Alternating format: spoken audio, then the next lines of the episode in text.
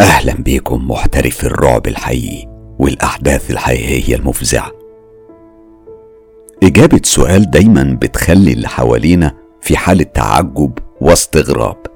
دايما بتسأل السؤال ده. طب وإيه مزاجك وكيفك في إنك تسمع حكايات كلها إثارة وفزع تخليك تتلفت حوالين نفسك طول الليل؟ وأنا دايما بجاوب وأنا بضحك ضحكة شريرة. كلها مكر.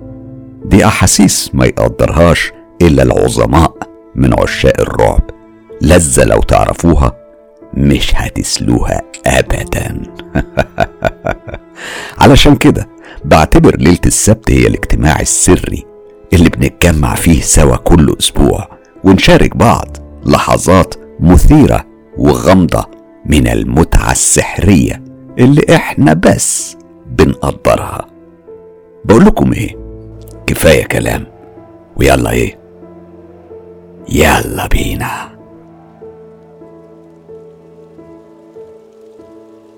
برغم غيابها خلال الشهر الكريم لكنها حاضرة معانا بكلماتها وبإعادة صياغتها لأحداث القصص اللي بتوصلنا من أصدقاء القناة.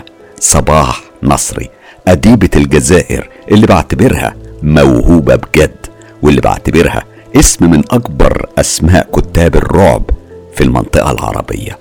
تعالوا نسمع صباح وهي مجهزة لنا قصة وصلتنا من ليلى. مساء الخير أصدقاء مستر كايرو. أنا اسمي ليلى من السعودية وتحديدا من منطقة الأحساء. وضروري إنكم تعرفوا أنا من أي منطقة. أنا حاليا عمري 18 سنة. وقصتي هتبدو غريبة شوية. الحقيقة هي بدأت قبل ثلاث سنين أيام لما كان عمري 15 سنة. في يوم كنت في أوضتي بذاكر وكنت لوحدي تماما في البيت. كل أهلي كانوا بره بيجيبوا حاجات وأغراض للبيت من السوق. أنا عاوزة منكم إنكم تركزوا في قصتي على أخويا الكبير وأمي وأبويا. أما في الوقت ده إخواتي الصغار كانوا في مدرسة داخلية. أنا كنت في فترة الامتحانات. ومتعودة لما بذاكر لازم بحط مزيكا هادية أسمعها زي عزف بيانو أو صوت مطر. اللي حصل إن أنا وأنا في قمة تركيزي والهدوء والصمت اللي في البيت سمعت صوت باب أوضة أخويا الكبير بينفتح لوحده. أنا قمت وبصيت حواليا بعدها وقفت المزيكا وركزت على الصوت. لكني ما سمعتش أي حاجة. قلت لنفسي ممكن أكون اتوهمت. يعني الموضوع عبارة عن خيال. ورجعت وشغلت المزيكا من تاني. بعد ثواني قليلة سمعت نفس الصوت الباب بيزيق. أنا عارفة كويس صوت باب أوضة أخويا لما يتقفل أو يتفتح بسبب الصوت المميز ده. هنا أنا كان يعني اللي فكرت فيه إن أنا لازم أطفي المزيكا تماما علشان أركز أكتر وأتأكد من الصوت. بس فجأة سمعت حاجة وقعت في أوضة أخويا اللي بيفصلنا عن بعض عبارة عن جدار واحد بس. أنا كنت قادرة أسمع أي حاجة بتحصل جوه الأوضة. مخبيش عليكم. أنا خفت وارتبكت لأني كنت لوحدي. وسط السكوت والصمت اللي أنا فيه. وحاولت أبعد عن الإحساس ده. كنت بحاول أطرده وقلت في نفسي يمكن ماما رجعت. يمكن دخلت الأوضة من غير ما انتبه ليها وأنا كنت مركز مع المزيكا. يمكن ماما وقعت حاجة بالغلط. فضلت أبرر وأفسر لنفسي وحاولت أطنش. لكني ما قدرتش لأني اتأكدت إني لوحدي في البيت. محدش رجع. كلهم بره في السوق. في الأجواء المهيبة دي ووسط الهدوء المرعب ده اشتغل خيالي وخوفي. بنت ولوحدها في البيت وخايفة جدا. وخيالي بدأ يمشي بيا لطريق أسود صعب ومخيف. أنا في الأول يعني بالي ما راحش لحاجة معينة. بالعكس تفكيري وإحساسي نبهوني إنه ممكن يكون حرامي استغل غياب أهل البيت ودخل علشان يسرق. لكني ما سكتش. أنا استجمعت شجاعتي مش عارفة أنا إزاي أصلا اتشجعت بالرغم من الخوف والرعب اللي كنت عايشاه. سميت بسم الله وبخطوات بطيئة وثابتة. طلعت من أوضتي بكل هدوء وحذر. كنت ببص في الطرقة بتاعت البيت من كل الجوانب. لكني لاحظت إن نور باب مدخل البيت كان مطفي مع إن أهلي دايما كانوا يمنعونا إن إحنا نطفيه مهما كان السبب. ساعتها أنا برضه ما اديتش الموضوع أهمية وقلت ممكن انطفى بالغلط لأن بصراحة بالي وتفكيري كانوا مشغولين بالصوت اللي في أوضة أخويا. أنا كنت بقرب شوية بشوية من الأوضة وكل مرة كنت بتلفت بوشي في كل مكان. ولما وصلت لباب الأوضة ومسكت الأكرة بتاعت الباب حاولت إن أنا أفتح لكني ما قدرتش. الباب كان كأنه متسكر من جوه وده شيء مستحيل لأن الأوضة فاضية. مين اللي ممكن يسكر الباب وهو أصلا مفتوح؟ ومع ذلك أنا كنت لسه سامع الصوت ومن خوفي ما حسيتش بنفسي إلا وأنا بجري بأقصى سرعة لاوضتي سكرت على نفسي الباب وما جاش في بالي ابدا إن ده ممكن يكون جن. بالعكس أنا كنت مصممه إنه حرامي دخل أوضة أخويا وسكر الباب. إحنا بيتنا مكون من طابقين. إحنا في الطابق الأرضي خالي في الطابق الأول. أنا ما استنيتش لحظة. جبت التليفون واتصلت بخالي. طلبت منه يجي بسرعة وقلت له إن أنا سامع أصوات في أوضة أخويا. ممكن يكون حرامي. يا ريت يا خالي تيجي بسرعة. أنا لوحدي في البيت وخايفة. خالي طلب مني إن أنا أقعد في أوضتي وأسكر الباب كويس وما أتحركش من مكاني وقال لي دقايق وهكون عندك. وبالفعل عدت دقايق وجه خالي مفزوع عليا وراح مباشرة لأوضة أخويا. بس الباب كان مسكر وطلب مني لو عندي مفتاح تاني للأوضة. أنا رديت عليه وقلت له أيوة فيه ثواني وهجيبهولك خالي كان قدام باب الأوضة. كان جاهز ومتحسب لأي هجوم. لكنه لما فتح الباب الصدمة كانت ليا أنا لوحدي. كل شيء كان مرتب. مفيش ولا حاجة وقعت ولا اتكسرت. خالي لفلي وبصلي وقعد يهدي فيا وقال لي إن مفيش حاجة وإن كل ده من خيالي. علشان أنا كنت لوحدي في البيت. لكني كنت متأكدة من اللي سمعته وأقسمت له إن أنا حقيقي سمعت باب الأوضة بيتفتح مرتين. لما حكيت لأهلي طبعا ما صدقونيش وقالوا لي أنت أكيد بتتوهمي علشان كنت لوحدك في البيت. المهم عدينا الموضوع. ومر على الموقف ده يوم كامل وإحنا بنجهز نفسنا علشان نروح المستشفى ونزور أخويا اللي عمل حادث غريب ومفجع لما كان عمره 18 سنة. هو على فكرة دلوقتي عمره 21 سنة. ومع الأحداث هتعرفوا إيه اللي حصل له بالظبط. لما رحنا المستشفى ودخلنا كان كل شيء تمام. بس لما وصلنا للطرقة اللي بتودي لأوضة أخويا اتفاجئنا كلنا بخروج أربع أشخاص من أوضته. الأربعة كانوا لابسين كلهم نفس اللبس واللون. لبسهم كان موحد وباللون الأسود والأبيض. كانوا كمان بنفس الشكل والطول. إحنا من الدهشة اتسمرنا في مكاننا. ما قدرناش نتحرك.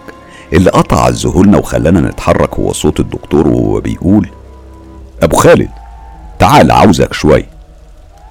ساعتها بص فينا أبويا وعمل إشارة بإيديه معناها ادخلوا أوضة خالد وأنا هحصلكم. أنا كنت ماسكة إيد ماما ومش عارفين. إحنا ليه خايفين؟ ممكن يعني وممكن جدا بسبب أشكال الناس الغرباء دول. لما دخلنا الأوضة خالد كان باين عليه التعب والخوف. وشه أصفر زي ما يكون حد مص كل دمه. وخلاه زي الشبح. المسكين كان بين الصاحي والنايم. أنا قربت له وقعدت جنبه وسألته إزيك النهاردة يا خالد؟ رد عليا بصوت تعبان وخفيف ومتقطع وهمس لي في ودني.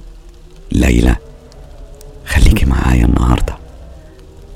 أنا عاوز أقولك على حاجة مهمة وخطيرة. بس وعديني يا أختي يبقى سر وما تقوليش لحد مهما كان. أنا بكل حزن أخدت إيديه وحطيتها على إيديا وقلت له أبشر وقول اللي عندك كله واطمن. أنا عينيا بتدمع لما بفتكر اللي حصل لأخويا. أنا فاكرة ساعتها طلبت من أبويا إني أقعد مع أخويا شوية والحمد لله هو ما عرضش ووافق. لما أصبحنا لوحدينا قلت له اتكلم يا خالد عاوزاك تقول لي إيه إيه اللي حصل وإيه اللي مخوفك وقلقك للدرجة دي؟ هو رفع راسه شوية وبص فيا وهنا أنا لاحظت حاجة كل علامات الرعب كانت مرسومة في وشه. ليلى أنا هحكي لك إيه اللي حصل لي.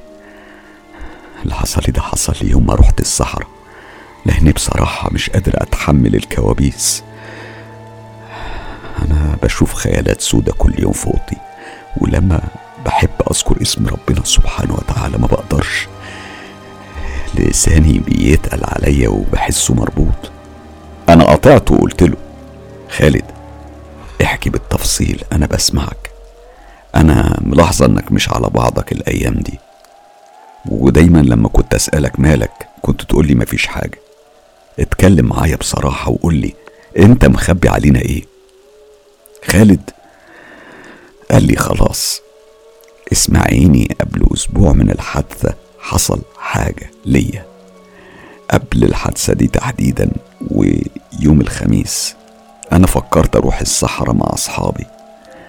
ويعني نقضي وقت جميل هناك. على فكرة أخويا مش أول مرة يروح للصحراء هما متعودين على الرحلات من النوع ده. بس المرة دي بالذات أنا كنت حاسة بقلق وخوف.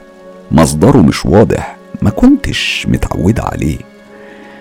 وفاكرة إن أنا طلبت منه إنه ما يروحش المرة دي بس هو عاندني وقال لي هما تلات ساعات وهرجع. أخويا خالد كان دايما بيبتسم لي لما بيخرج من البيت. أنا لما بفتكره دموعي ما بتقفش. المهم لما اجتمعوا أخويا وأصحابه مع بعض وراحوا رحلتهم فضلوا يضحكوا ويلعبوا ويغنوا. ودايما زي ما إحنا عارفين الوقت الجميل بيعدي بسرعة. فعلا الوقت عدى عليهم بسرعة والساعة أصبحت ستة المغرب. فقاموا صلوا مع بعض وبعدين واحد من أصحابه قام وقال لهم يا شباب يلا نروح الوقت اتأخر كتير. بس خالد قال لي أنا مش عارف ليه قلت لهم أنا مروحش وهفضل شوية وبعدين أبقى ألحقكم ولو أنتم عاوزين تروحوا اسبقوني. الشباب رفضوا كلامي وطلبوا آه مني إن أنا أروح معاهم وحاولوا معايا كتير بس أنا اتمسكت في كلامي وعاندتهم. المهم أصحابي روحوا وفضلت لوحدي في الصحراء وسط الرمل وقصاد النار اللي كنا مولعينها. أنا كنت ماسك تليفوني بتفرج وبقلب في الفيسبوك لما فجأة حسيت بحركة غير عادية. وهنا لمحت من بعيد ناس ماسكين شعل من النار بيلوحوا بيها في السماء. لكني لما ركزت فيهم كويس وبفضل نور القمر قدرت أشوفهم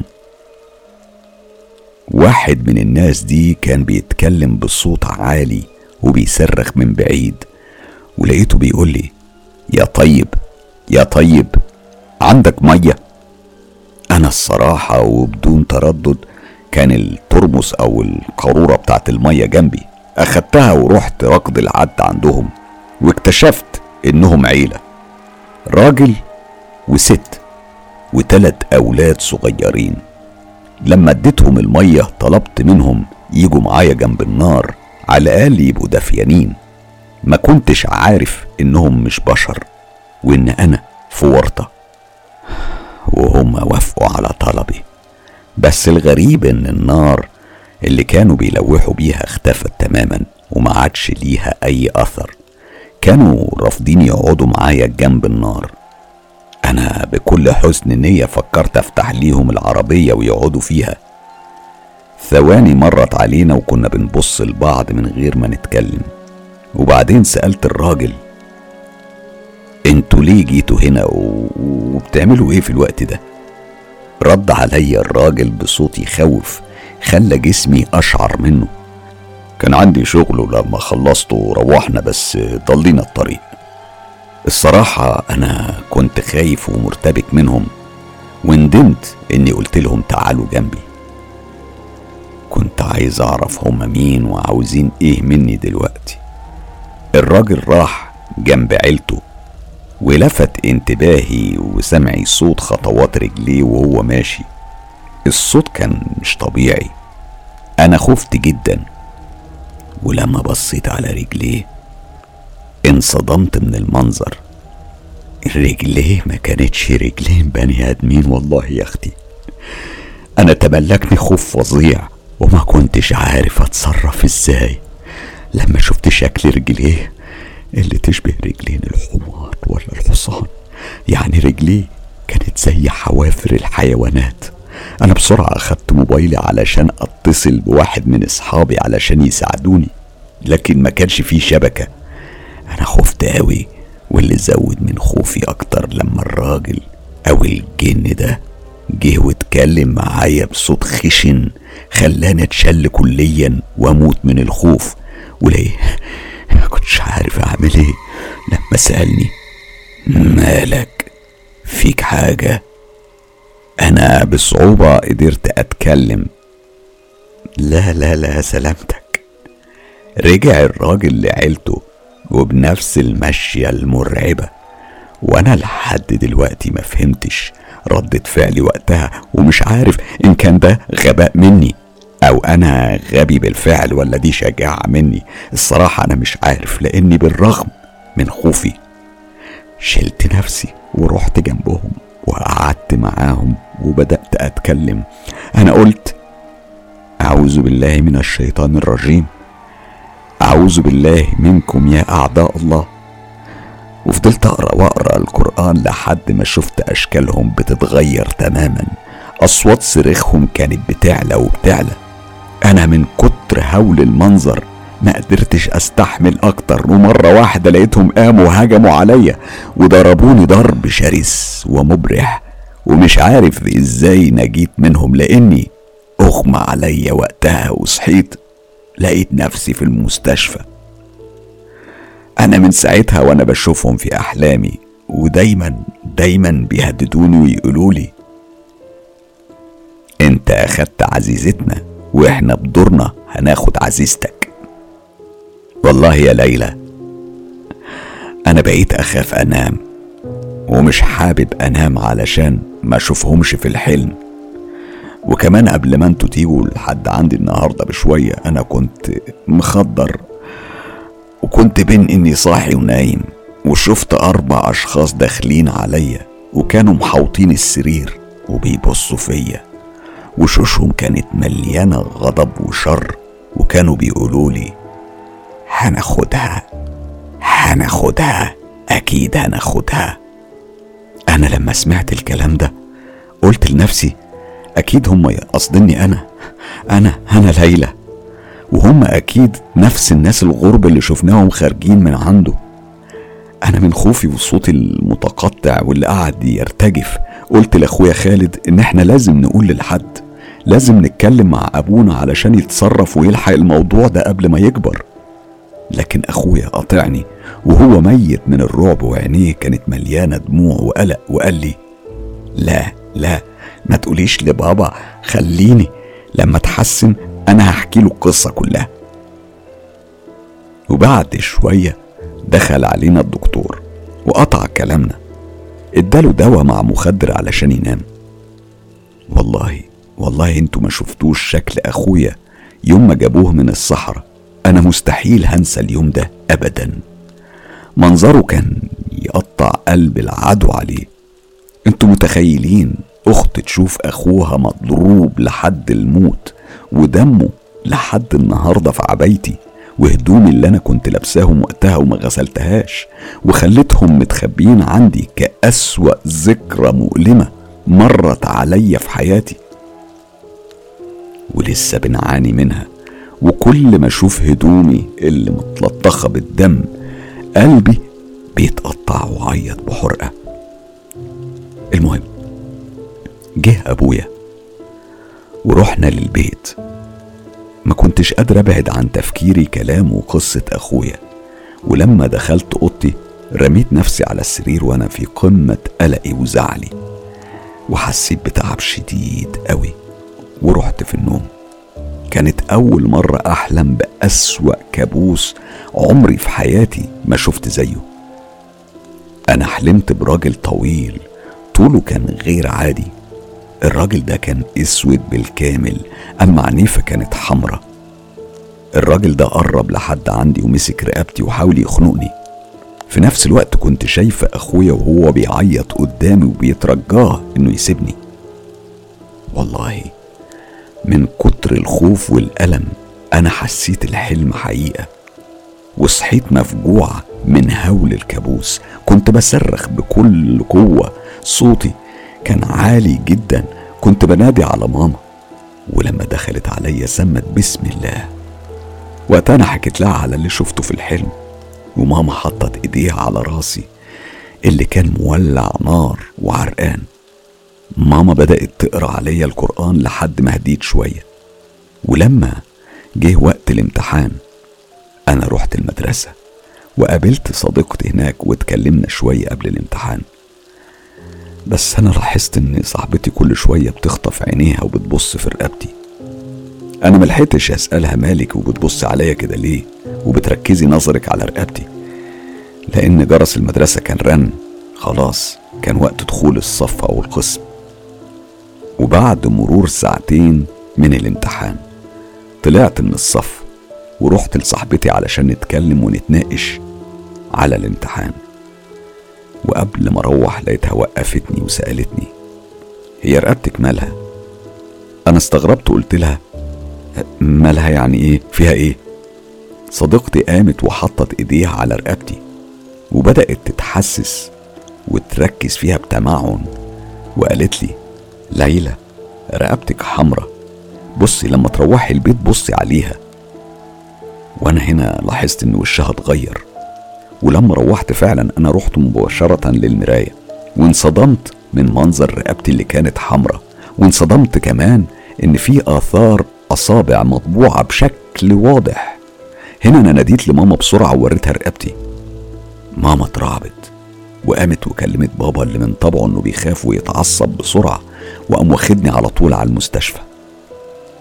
لما دخلت للدكتور وكشف عليا انصدم من منظر رقبتي وقال لأبويا بنتك كانت على وشك إنها تموت والآثار دي بفعل فاعل ومن شخص قوي حاول يخنقها.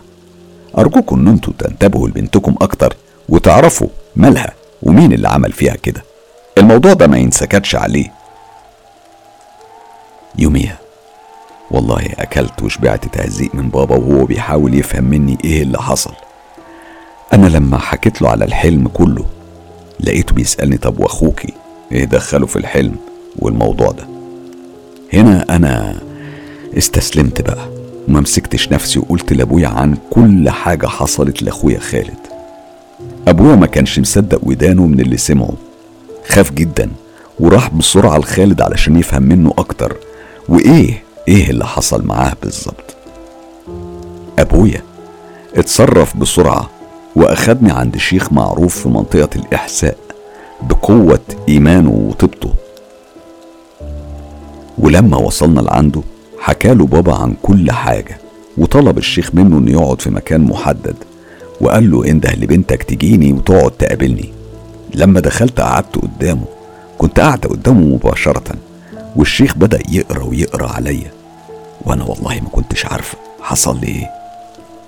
أنا لما بصيت في وش الشيخ لقيته اتغير شكله أصبح بيخوف صوته كمان اتغير بقى مرعب قوي. أنا من خوفي قلت بس بس كفاية كفاية. الشيخ كمل قرايته وما اهتمش لكلامي ساعتها. أنا على طول قمت قايمة وضربة الشيخ ضربة قوية عمري ما تخيلت إني ممكن أضرب حد بالقوة دي خصوصا إن أنا حجمي صغير. وفجأة أغمى عليا. لما صحيت ما كنتش فاكرة أي حاجة من اللي حصلت معايا ولما خلصت الجلسة مع الشيخ روحنا.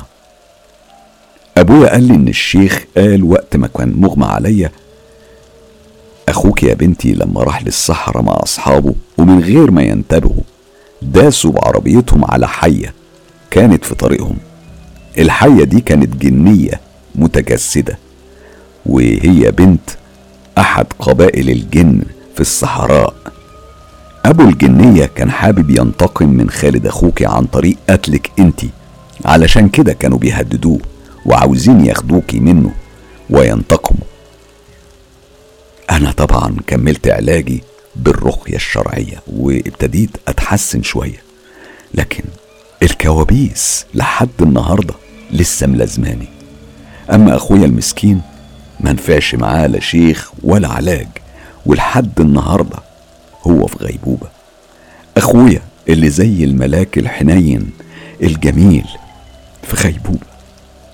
ويا عالم في الغيبوبة دي بيشوف فيه إيه من الجن والعالم السفلي والرعب.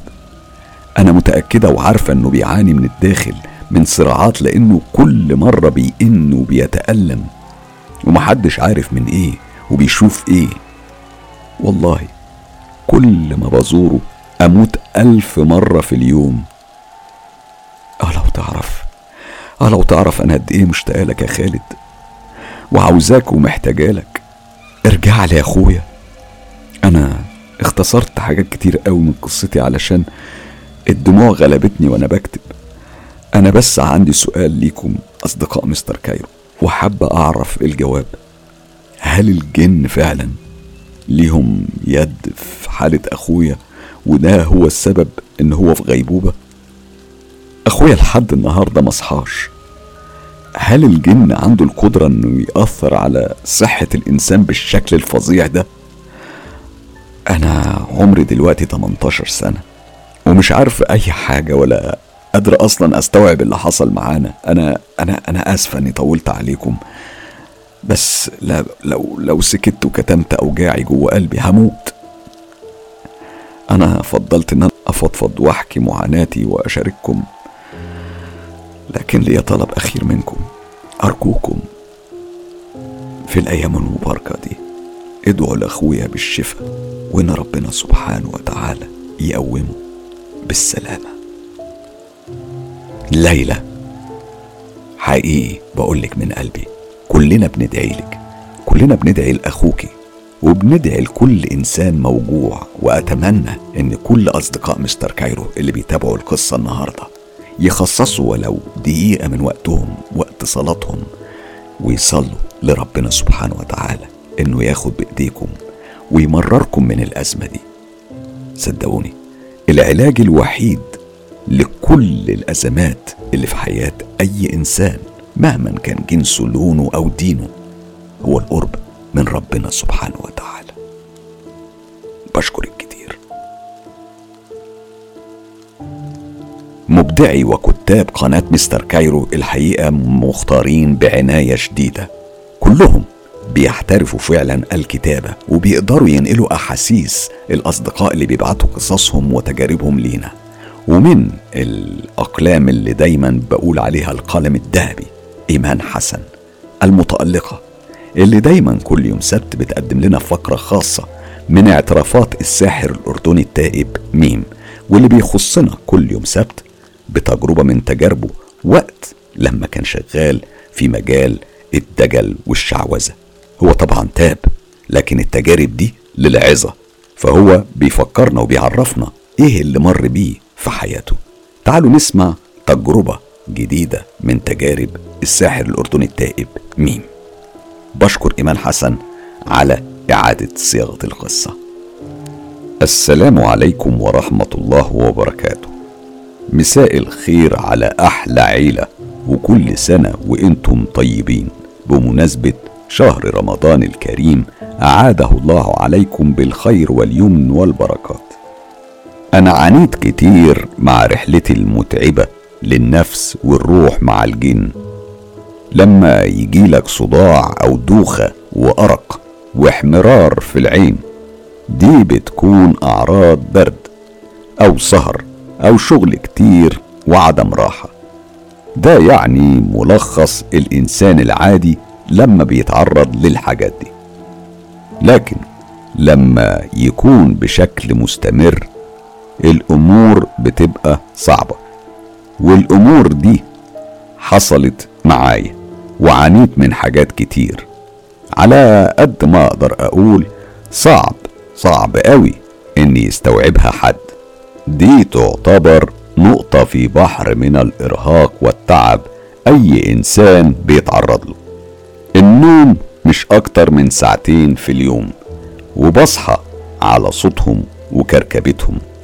تنميل في الإيد أو الرجل صداع دائم وده حاجة طبيعية لحضورهم. عمر الساحر في الغالب بيكون قصير. المرض بسرعة بيضربه عدم الثقة والراحة إهمال. دي حاجات من الحاجات الكتيرة اللي بيزرعوها فيك. فكرتهم الدايمة إن أنت من طين وهم من نار وبيعاملوك على إنك أنت الخادم ليهم. تفتكر إيه اللي هيحصل لو عجنت الطين وقربته من النار؟ مش هيتحرق لكنه هينشف. وده هو اللي بيحصل للساحر. واللي كتير مش بياخدوا بالهم من ده إن جسم الساحر بينشف وكأنه بيسرب مية من جسمه. ده غير قلة الأكل لأنه بياكل قليل جدا. طب ليه كل ده بيحصل؟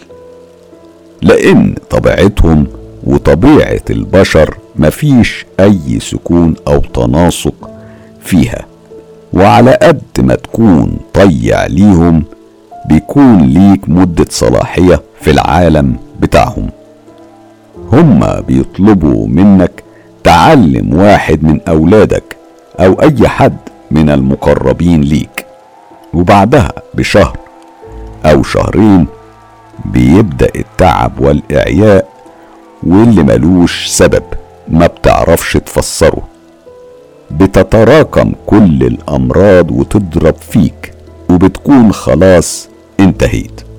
ولازم غيرك يكمل. انت بتبقى ضعفت ومش هتقدر تنفذ الحاجات اللي بيطلبوها منك. ده طبعا نتيجة لكبر السن واقتراب الموت.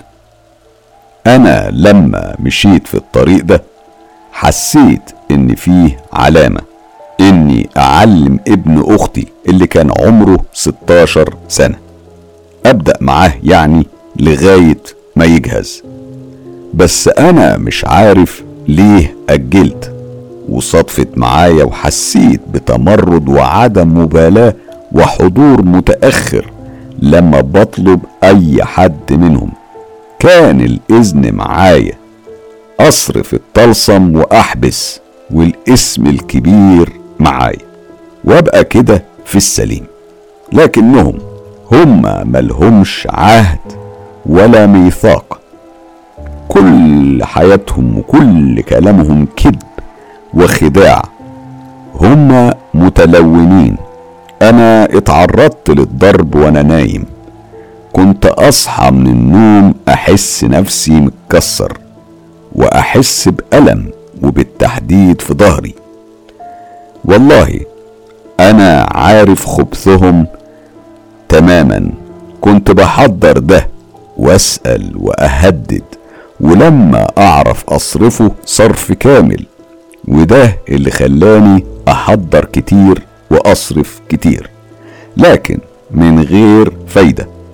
كلهم واحد خداع وكذب ولؤم غير طبيعي.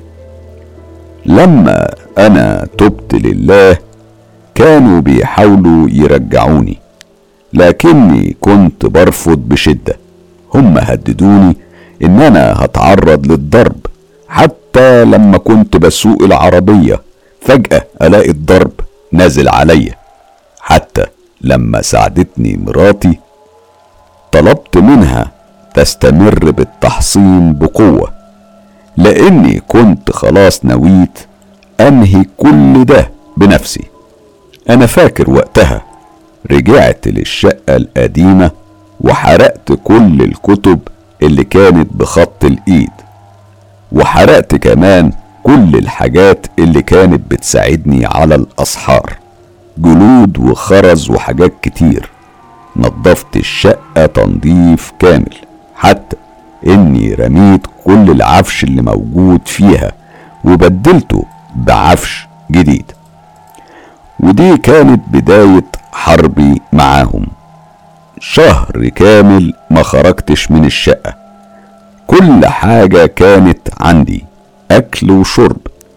بالنهار أموري تقريبا كانت طبيعية. بس يدخل الليل على المغربية كده يبدأ فصل جديد وعراك الأسد. أنا اتحملت القرآن وكنت بصرخ لما بسمعه أو أسمع الأذكار. كنت وقتها بشوف مرضى وعفاريت. الأحمر والأسود منهم وعلى أشكال كبيرة ومميزة وتعابين. كنت بحس إن الشقة هتقع عليا لكني كنت عارف خبثهم ومكائدهم فاستمريت لغاية لما نصرني ربنا عليهم. أنا كنت بنام بالنهار واستنى بالليل الحرب معاهم لأنهم بالنهار بيبقوا ضعفة ضعفة كتير بس الليل هو مركز قوتهم. يعني أنا كنت برتاح بالنهار ورحلة العذاب كانت بالليل. بالنسبة لهم حيالهم وخبثهم بيخليهم يضحوا بأي حد منهم علشان يدخلوا عليك. لو كنت عامل دايرة تحصين مدخل. وبعدها بيضربوك. الخادم مش زي الملك أو الحكيم عندهم. حرقهم مش سهل لأنه بيحتاج وقت. بيكون مصفح بخدام زي الدرع كل ما بتقرب بيتحرق خادم. حتى لو حس بخطر بيمشي وبيجيلك مرة تانية خبثاء ملاعين لكن الحرص واجب. وأهم حاجة تكون على وضوء وتقرأ أذكار الصباح والمساء. دلوقتي أنا هحكي لكم وبكل وضوح وصراحة. علاقتي معاهم لما دخلت خلوة في منطقة بطن الغول الفاضية تماما من البشر ورعاة الأغنام والسبب طبعا هو شدة خطورتها.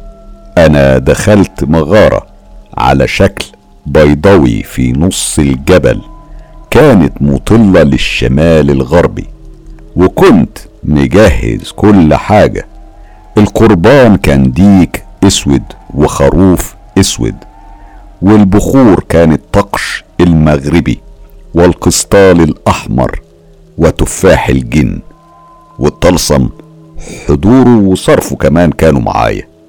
دخلت الخلوة وكنت آكل وأشرب وأعزكم الله كنت بقضي حاجتي في نفس المكان. أنا رسمت الطلسم وبدأت العزيمة اللي كلها شرك. أنا جهزت كل الأمور واستنيت الإشارة. وفي اليوم الأخير واحد وعشرين حسيت بزمجرة زي صوت الأسد. وهنا حضر بشكله. كان راجل أسود ريحته قذرة جدا. راسه كانت كبيرة. وكل جسمه سلاسل في ايديه ورجليه بلون الفضة وبصوت غليظ. بدأت أقول القسم بدون تأخير وده كان مهم جدا خوفا من القمع أو الضرب وآخرته كانت موت. حضوره مش سهل وصرفه كمان مش سهل. أنا طلبت العهد وعطاني العهد كاس دم وحاجة أخطر من اللي حكيته شرك قوي. أنا طلبت منه خدم من الجن الطيار والجن الغواص يعني مرضى وعفاريت. كنت عارف اللي أنا عايزه. اشتغلت عليهم وكبر اسمي وبقيت من صفوة الصفوة. كنت برفض أخرج من بيتي مهما يكن. كنت في بيتي وهما اللي بيجولي. مهما كانت قوته أو نفوذه أو سلطانه الأمور مشيت معايا وزادت الفلوس والجبروت والمقربين. واستمر الحال على كده. قلة نوم قلة أكل وأخرج كل أسبوع مرتين. أروح منطقة فاضية كنت بقدم القرابين للرضا وفضلت على كده لغاية لما اتجوزت. حاول كبير الخدم إنه يشاركني في مراتي وده اللي خلاني أغضب وأثور وأتجنن كمان وهنا أنا حرقته وبدأت معركتي مع الميامنة. اللي حصل. ده كان هو اللي صحاني من غفلة. دامت خمسة وعشرين سنة لحد ما تبت. على فكرة أنا دلوقتي بقالي تلات سنين مرتاح منهم. فاكر كويس أول سنتين كنت بعاني قد إيه. لكن سنة واحد وعشرين كانت حاسمة. والحمد لله كنت كل يوم أقول مش هعيش لليوم اللي بعده. لغاية ما رحمة ربنا غلبت كل شيء أنا بشوف الجن العادي اللي بيطير واللي بيمشي على الأرض. عالمهم عالم متكامل زي عالمنا بس من غير مضايقة. أنا حاليا والحمد لله بحافظ على الأذكار والصلاة في وقتها.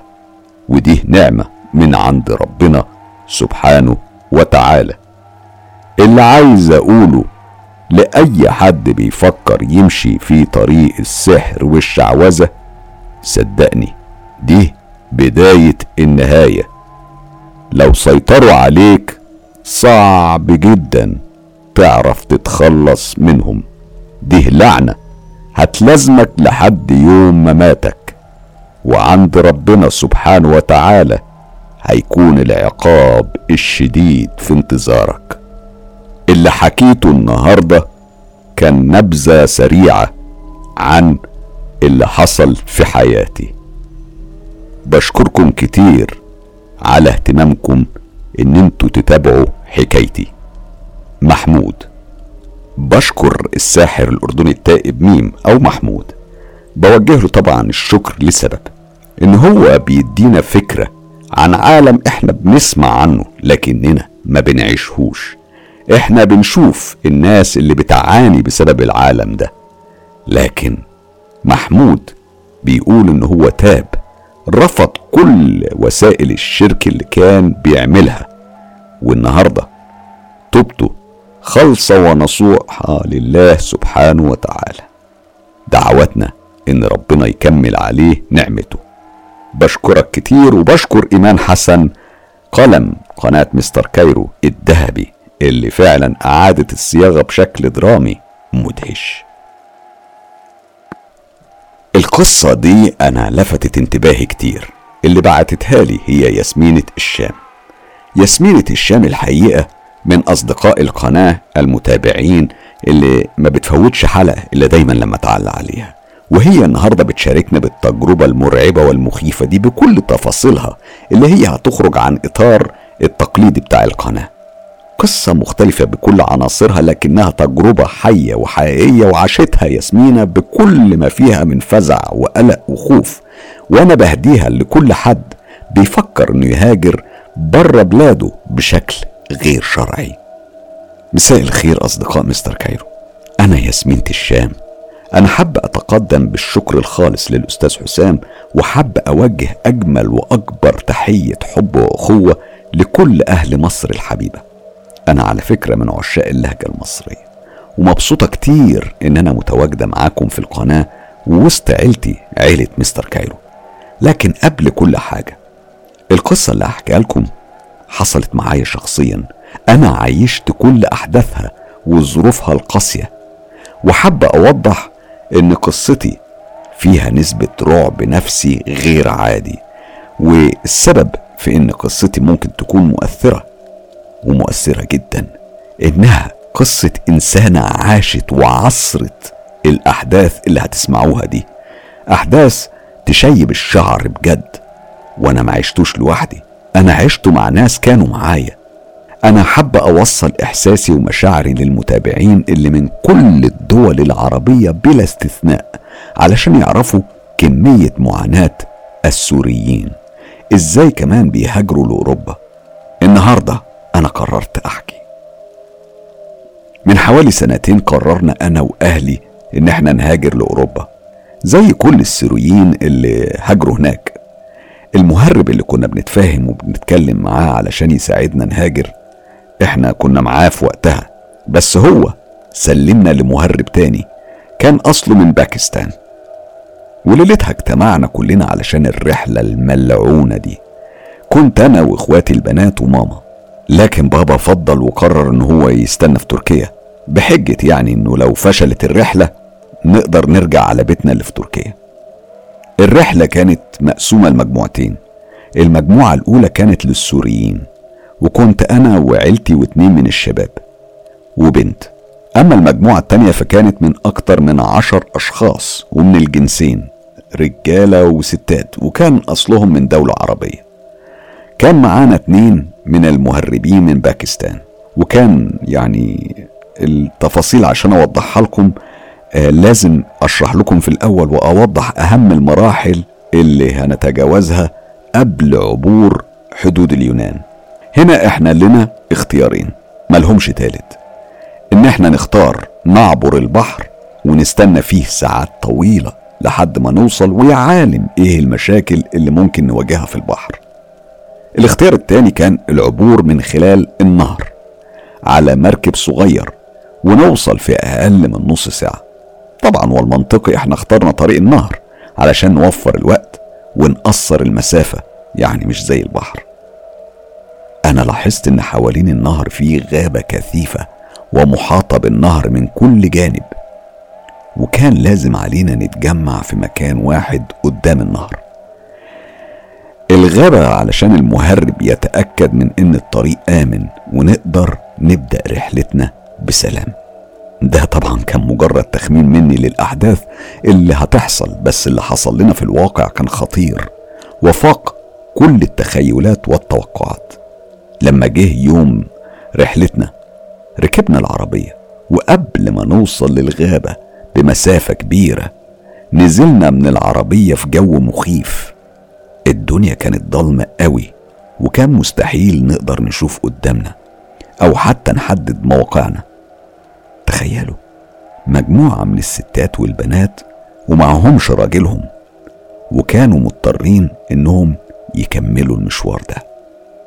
كل واحد فينا كان مشبك في التاني علشان نقدر نخطي خطوة واحدة وكان إجباري علينا إن إحنا نكمل طريقنا برغم من طول المسافة الطويل قوي.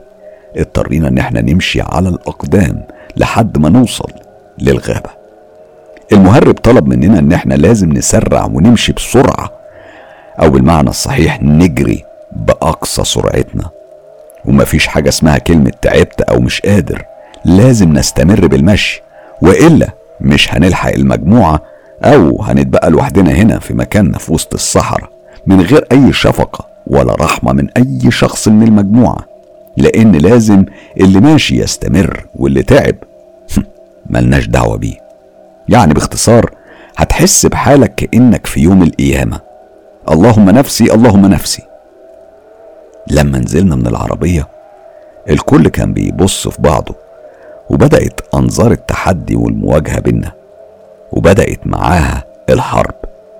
وأنا أقصد بكلمة الحرب دي يعني مش حرب حرب لكن الدخول في منافسة جري فاشلة ومتعبة. حربنا كانت عبارة عن الجري. والحق نفسك قبل ما نفوتك وتستنى لوحدك. طبعا مجموعتنا إحنا السوريين بدأت الركض وكنا بنجري ورا المهرب. بس المجموعة العربية التانية ممكن أقول عنهم إنهم خطوات رجليهم ما كانتش خطوات رجلين بشرية. خلوني أشرح أكتر. إحنا مجموعة السوريين كنا بنجري بأقصى سرعة وبأكبر قوة نمتلكها. ومع ذلك ما قدرناش نلحق بالمهرب ولا بالجنسية التانية اللي كانوا ماشيين عادي جدا من غير أي جهد منهم. كان واضح عليهم إنهم بيتميزوا بأعصاب باردة والمصيبة إنهم كانوا بيسبقونا لدرجة إنهم بيختفوا من قدام عيوننا. وكل مرة كنا بنشوفهم قاعدين وبيستنونا بس لما نقرب نوصل لهم يقوموا ويكملوا مشي. وإحنا كنا بنكمل جري. جري زي ما نكون في مجال زمني وهم في مجال زمني تاني خالص. استمر الحال بينا على الوضع ده لغاية ما وصلنا للغابة. أنا بكل صراحة كان قلبي حساس وبقدر أحس باللي حواليا. كنت متأكدة إن المجموعة التانية دول مستحيل يكونوا بشر. مستحيل يكونوا طبيعيين. السبب إنهم ما تعذبوش زينا. كان واضح إن عندهم قوة تحمل زايدة كتير. المهم لما وصلنا للغابة كلنا كنا فاكرين إن خلاص مش هنقعد فيها يعني ولا لحظة إحنا بس هنعدي لأن ده كان اتفاقنا من الأول مع المهرب. لكن المهرب قطع كل كلامنا وكسر كل الاتفاقات اللي ما بيننا لما قال لنا يلا الوقت اتأخر كتير ولازم ننام ونعدي الليلة دي في الغابة. هي ليلة واحدة يعني وبكرة وقبل المغرب. هنعبر النهر. أنا لما سمعت الكلام ده أنا اتصدمت. عقلي كان خلاص طار من راسي حسيت نفسي هتجنن. هو بيقول إيه؟ وبدأت الأفكار المرعبة بتلف وتدور حواليا. إزاي؟ إزاي؟ أنام جوه الغابة المظلمة دي على الأرض. المصيبة حتى ضوء القمر مفيش. الغابة كانت عتمة وسودة تماما. أنا بطبيعتي بخاف من الضلمة كتير. لكني لاحظت إن المجموعة التانية لما سمعوا كلام المهرب ما تكلموش خالص. لا دول على طول اتسطحوا على الأرض وناموا بكل هدوء. إحنا السوريين لما شفناهم على الحال ده خصوصا لما ما لقيناش أي اعتراض من الجماعة اللي من الجنسية التانية على كلام المهرب. فضلنا إن إحنا نسكت ونتحمل التعب زيهم. وكمان ما كانش فيه حل تاني. إحنا خفنا. لحسن حد يأذينا. كل ده علشان يخليهم يعني يخلونا نعدي النهر. كان لازم علينا نسكت لأن مفيش حل تاني. المهم عبور النهر. والله والله يا أستاذ حسام في أقل من نص ساعة. الكل كان نام. كأن فيه فرش تحتهم. أنا ما قدرتش أنام وأغمض عينيا من كتر الخوف والضلمة اللي كنت فيها. أنا كنت حاضنة نفسي وسط ماما وإخواتي. كنت برتجف من الخوف. وفي عز تفكيري الصعب ده فجأة سمعت أصوات لناس بتصرخ وبتعيط. كنت كل ما اتلفت في كل الجهات اللي حواليا وأحاول أركز وأبص كويس جوه الأشجار اللي قصادنا كنت بحس إن في أشخاص بيراقبونا أو كيانات بتراقبنا. كيانات مرعبة وغريبة. كانوا بيبصوا علينا. وفجأة سمعت صوت خشخشة جاية من وسط الأشجار دي اللي زود في رعبي ورهبة المكان صوت نباح الكلاب. كان نباح قوي وبشكل عنيف لكنها كانت كلاب زي ما تكون كلاب من جهنم. كلاب مش زي الكلاب اللي أنا أعرفها. كلاب كانت مختلفة صوت العواء غريب صوت النباح أغرب. وفي لحظة قلت لنفسي إحنا خلاص هنموت في الغابة. هتهجم علينا الكلاب دي وهتاكلنا. الأصوات المرعبة دي استمرت لحد الصبح.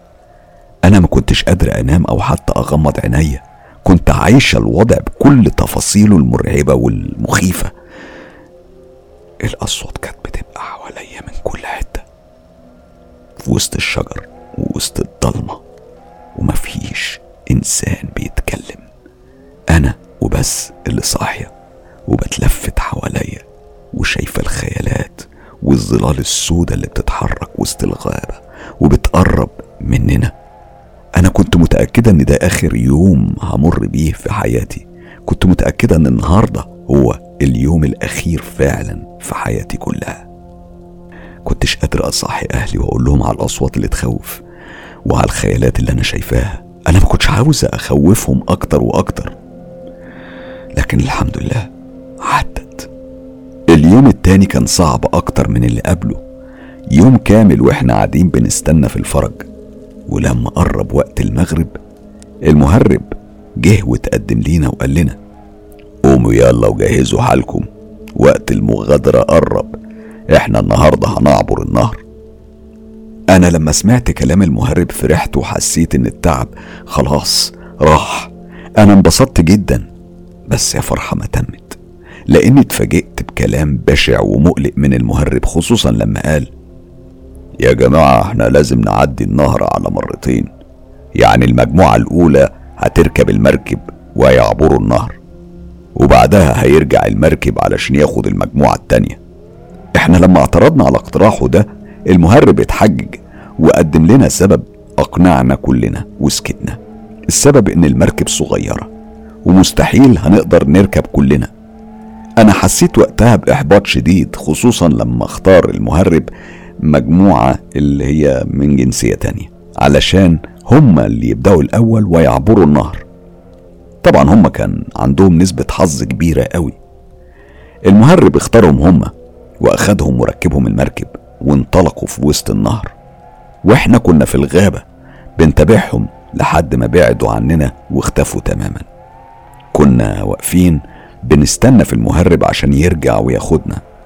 بس للأسف إحنا استنينا يوم كامل. يوم كان طول قوي وما جاش.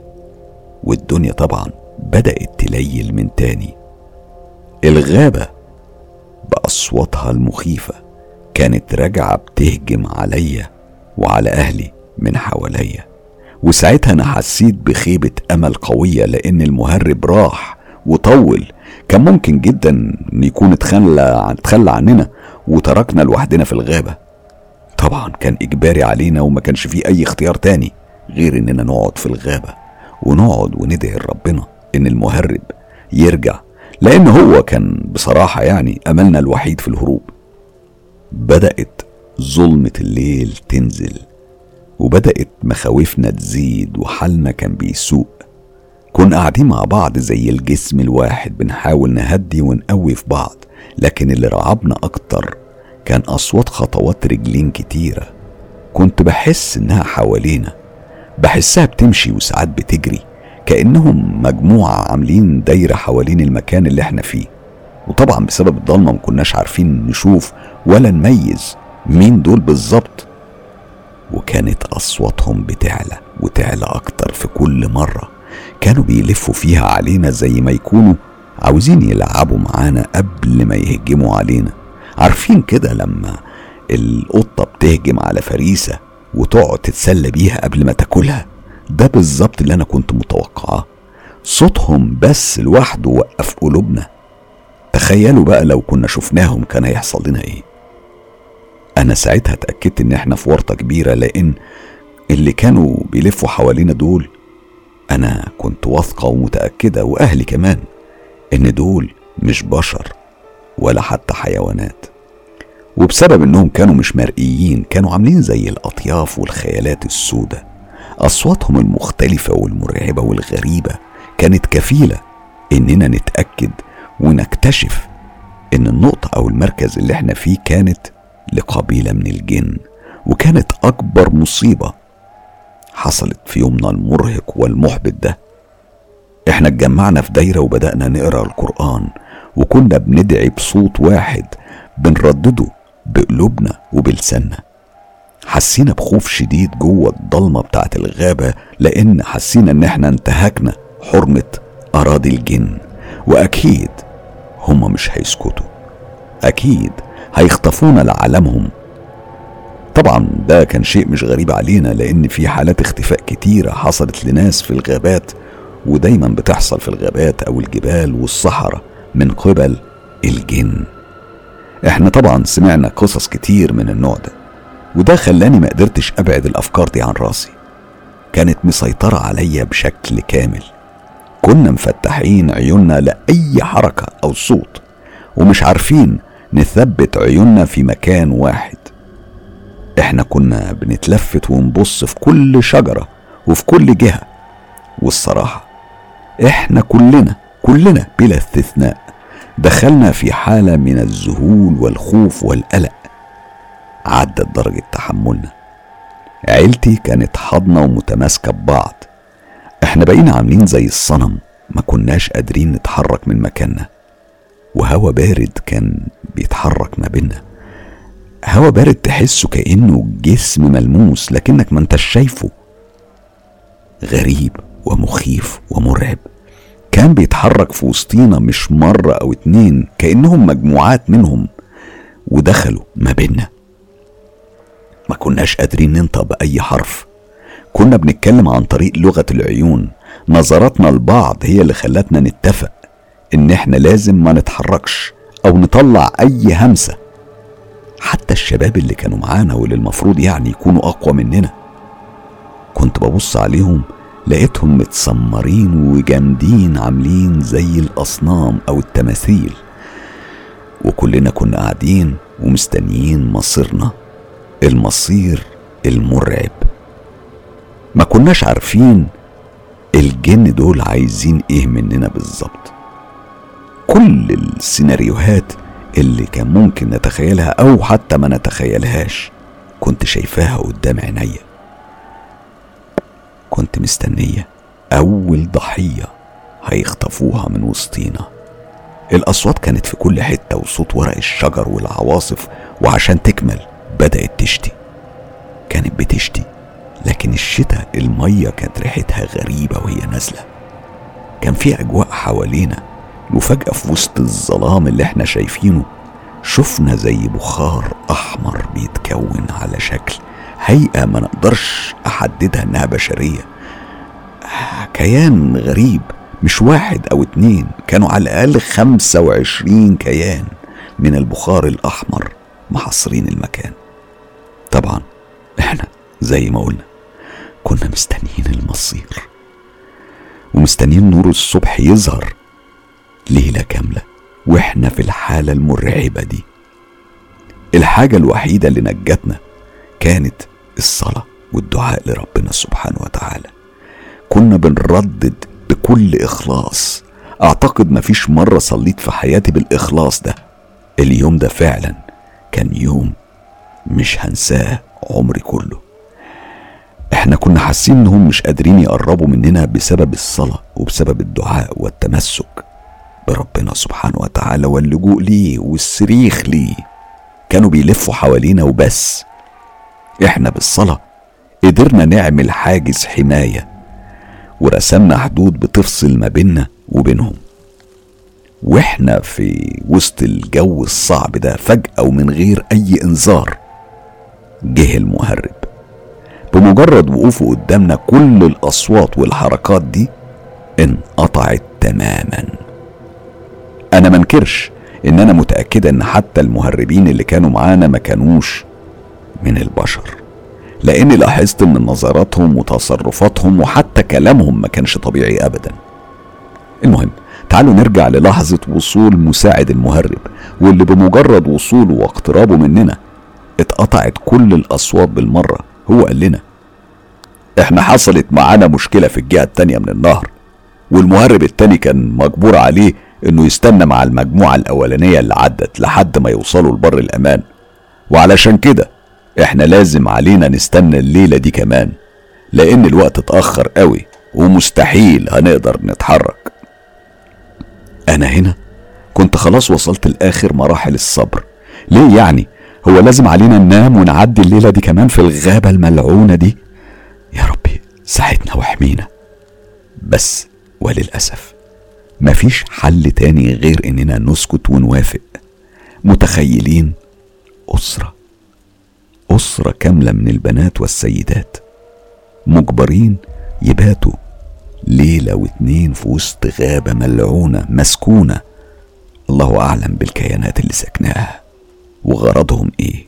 والله يا أستاذ حسام الليلة دي كانت أصعب ليلة في حياتي كلها.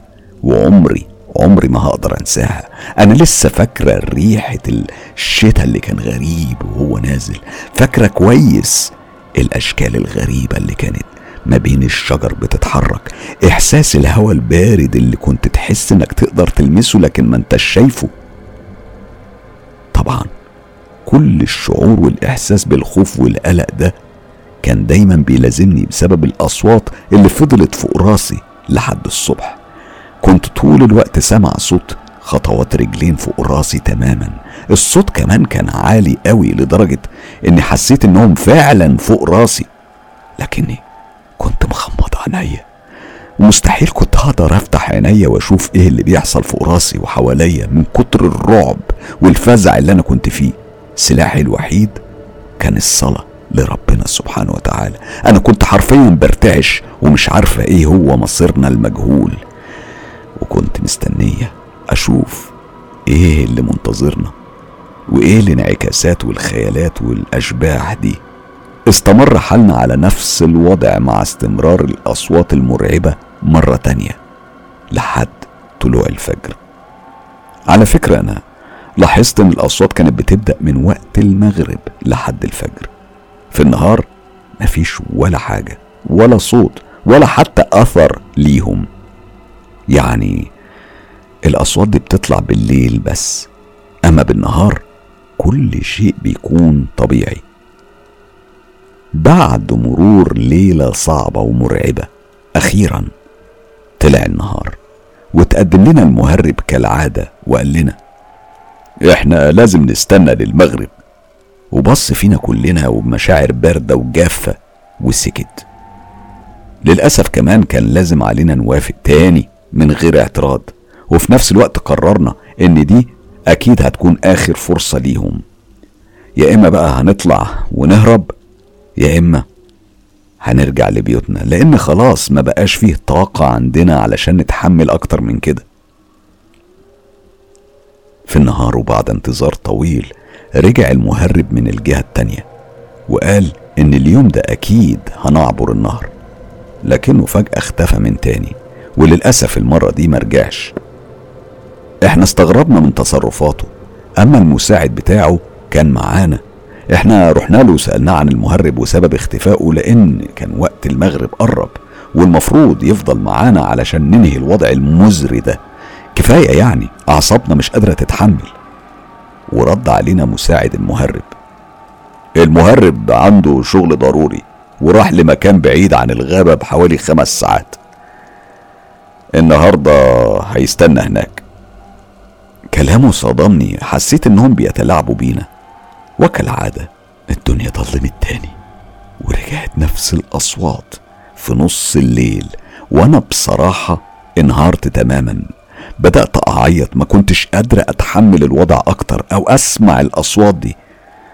وكلنا قررنا نطلع من الغابة الملعونة ونرجع لبيتنا. لأن إحنا كنا متأكدين إن المهربين دول مستحيل هيعبروا بينا النهر لو فضلنا في المكان ده أكتر من كده. وأكيد لو فضلنا في المكان ده أكيد الجن هيتمكنوا مننا وهيأذونا. وزي ما بنقول مش كل مرة بتسلم الجرة بعد ما أخدنا قرارنا واجتمعنا وتوحدنا على كلمة واحدة حملنا حالنا وحاولنا نطلع من الغابة بأقصى سرعة. ولما طلعنا أنا حسيت حالي كأني طلعت من القبر أو صندوق كان مقفول عليا ورجعت لي الحياة بعد صعوبة وبأعجوبة لما كنا بنمشي في وسط الضلمة فجأة طلع قدامنا المهرب الباكستاني اللي المفروض يعني وكان يعني مش شرط إنه يكون موجود هنا. يعني هو أنا ما فهمتش إزاي طلع في وشنا كده من العدم زي الشبح. وخلانا نتخض ونستغرب ونسأله ونقول له انت ليه عملت معانا كده؟ وإحنا خلاص اتفقنا ان إحنا مش هنرجع معاك. ما بقاش ما بينا أي اتفاق. لكن المرعب إن المهرب كان بيبص لنا بنظرات غريبة ملهاش تفسير إلا تفسير واحد إن المهرب ده أكيد جن متشكل على هيئة المهرب اللي ما نطقش بأي حرف. هو بس كان مكتفي بالنظرات ما عملش ولا ردة فعل أو حتى إشارة. أنا وقتها. اتمنيت تنشق الأرض وتبلعني من قوة الارتباك والشك والرعب خصوصا من منظر المهرب. إحنا التزمنا الصمت وكملنا طريقنا بس المهرب فات قدامنا بنفس الوضع وكمل طريقه لوسط الغابة. ساعة كاملة وإحنا بنمشي لحد ما وصلنا لأقرب قرية أو منطقة يعني مسكونة. لما دخلنا للقرية بدأنا ندور على عربية علشان تاخدنا للبيت. وفجأة رن التليفون. اللي اتكلم معانا كان المهرب الكبير الأولاني اللي سلمنا للمهرب الغريب ده اللي كنا معاه. هو طلب مننا إن إحنا لازم نرجع للغابة حالا بحجة إن في مهرب تاني بيستنانا هناك وهيعبر بينا النهر. أنا لما سمعت الكلام ده قلت مستحيل هرجع لنفس الغابة الملعونة ولو رجعنا مش هن مش هنسلم من الجن. إحنا شكينا انهم عاملين لنا فخ أو حاجة من النوع ده مش عارفة. يعني كان أكيد في حاجة خبيثة في انتظارنا. المرة دي المهرب كان مصر علينا ومصمم على رجوعنا بأي شكل من الأشكال على أساس إن إحنا هنعبر النهر فورا. هو كان واضح إنه واثق من كلامه قوي. بعد محاولات كتيرة من المهرب قدر إنه يقنعنا. ووافقنا إن إحنا نخرج من القرية ونرجع تاني للغابة الملعونة. بعد مشي طويل وكمان زاد إحساسنا بالتعب أضعاف وأضعاف. كان باين من مشيتنا وكلامنا القليل. وفجأة طلع قدامنا وفي وشنا نفس المهرب الباكستاني اللي هربنا منه من شوية. وأول ما شفناه إحنا انصدمنا ومعرفناش نتقدم ولا خطوة واحدة. وقلنا مستحيل نروح مع الجن المرعب ده لأي مكان. ده كفاية وقفته ونظراته لينا. حاجة ما تطمنش بالخير ابدا. وبسرعة حملنا حالنا من تاني. ورجعنا لنفس القرية. والحمد لله لقينا عربية وصلتنا ورجعتنا للبيت. وقررنا إن إحنا ما نتعاملش مع المهرب ده مهما كان. وبالرغم من كل المصاعب دي وانتظار الفرج علشان نقدر نهاجر. إلا إن المشكلة المهرب الباكستاني لسه بيتصل بينا كل يوم. كان مصر إنه ياخدنا بنفسه ويعبر بينا النهر لكن إحنا ما كناش بنرد عليه وتجاهلناه بسبب إن ثقتنا فيه انكسرت ما بقاش لينا أمان معاه. ولحد النهارده أنا مش لاقي أي تفسير أو كلام أبرر بيه تصرفات المهرب أو خلوني أقول زي ما حسيته الجن المرعب ده. وليه عمل معانا كده؟ وإيه كان هدفه؟ ومع مين كان بيتعامل؟ أنا مش هنسى ملامح وش المهرب الجني ده اللي كانت مليانة غموض ورعب. إحنا قررنا إن إحنا نفتش على مهرب تاني يكون أكتر أمان. ومن وقتها وإحنا بنكرر عمليات الهجرة ونحاول نسافر. لكن للأسف كل محاولة ما بتظبطش معانا. ودايما للأسف بتكلل بالفشل. على فكرة أنا عايشة في إسطنبول. هي مدينة حلوة كتير بس للأسف الحياة فيها صعبة لدرجة كبيرة. علشان كده إحنا حابين نهاجر لأوروبا. ممكن هناك نلاقي حياة ومعيشة أحسن من هنا. كل اللي عنيناه ده كان بسبب ظروف قاسية أقوى مننا وإحنا ملناش أي ذنب فيها. اللي حصل ده دمرنا دمار نفسي من كل الجوانب وخسرنا كل حاجة. أنا عارفة إن قصتي ممكن تكون قصة عادية بالنسبة لقصص كتير مرعبة في قناتك المتميزة بالمصداقية في نقل الأحداث بس أنت دايما بتوصل قصص الناس بكل ما فيها من تفاصيل. أنا بصراحة أستاذ حسام مش قادر أوصف لك كمية الأحداث والمصاعب اللي مرينا بيها. يعني اللي معاش الأحداث دي مستحيل يفهمها أو يحس بيها زي ما أنا وغيري عشناها. وحسينا بيها.